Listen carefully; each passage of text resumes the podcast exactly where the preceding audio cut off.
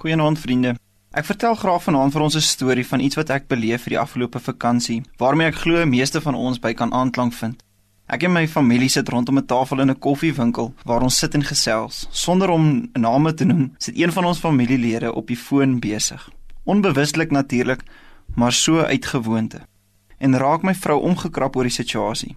My ouma aan die ander kant van die tafel maak die opmerking dat sy raak gelees het dat ons nie meer tyd vir mekaar het nie want ons is so vasgevang in ons skedules en ons alledaagse gebruike dat ons nie meer by mekaar uitkom nie.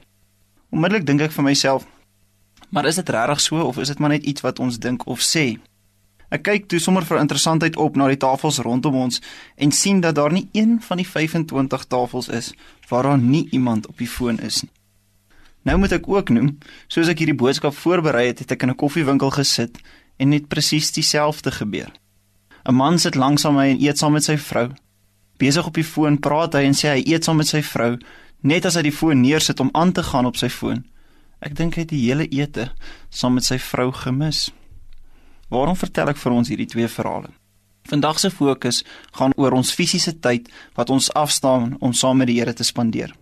Net soos dit amper al vir ons tweede natuur is om ons fone op te tel, moet my bewustelik besluit en die regte tyd wat ek kies om saam met die Here te spandeer vir ons tweede natuur word. Dit moet 'n tyd wees waar ek rustig is, volle aandag kan gee om in die proses ook my denke dalk te kan verander.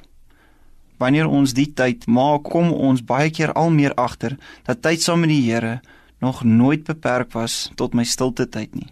Maar raak ons al meer bewus van die mooi, ek wil amper sê heilige oomblikke wat daagliks ons pad kruis. Kom ons sluit die oë. Here, dankie dat ons elke oomblik van elke dag saam met U kan wees. Help ons egter ook, Here, om ons spesiale tyd saam met U vas te maak. Soos 'n wildsbok smag ons na 'n verhouding met U. Amen.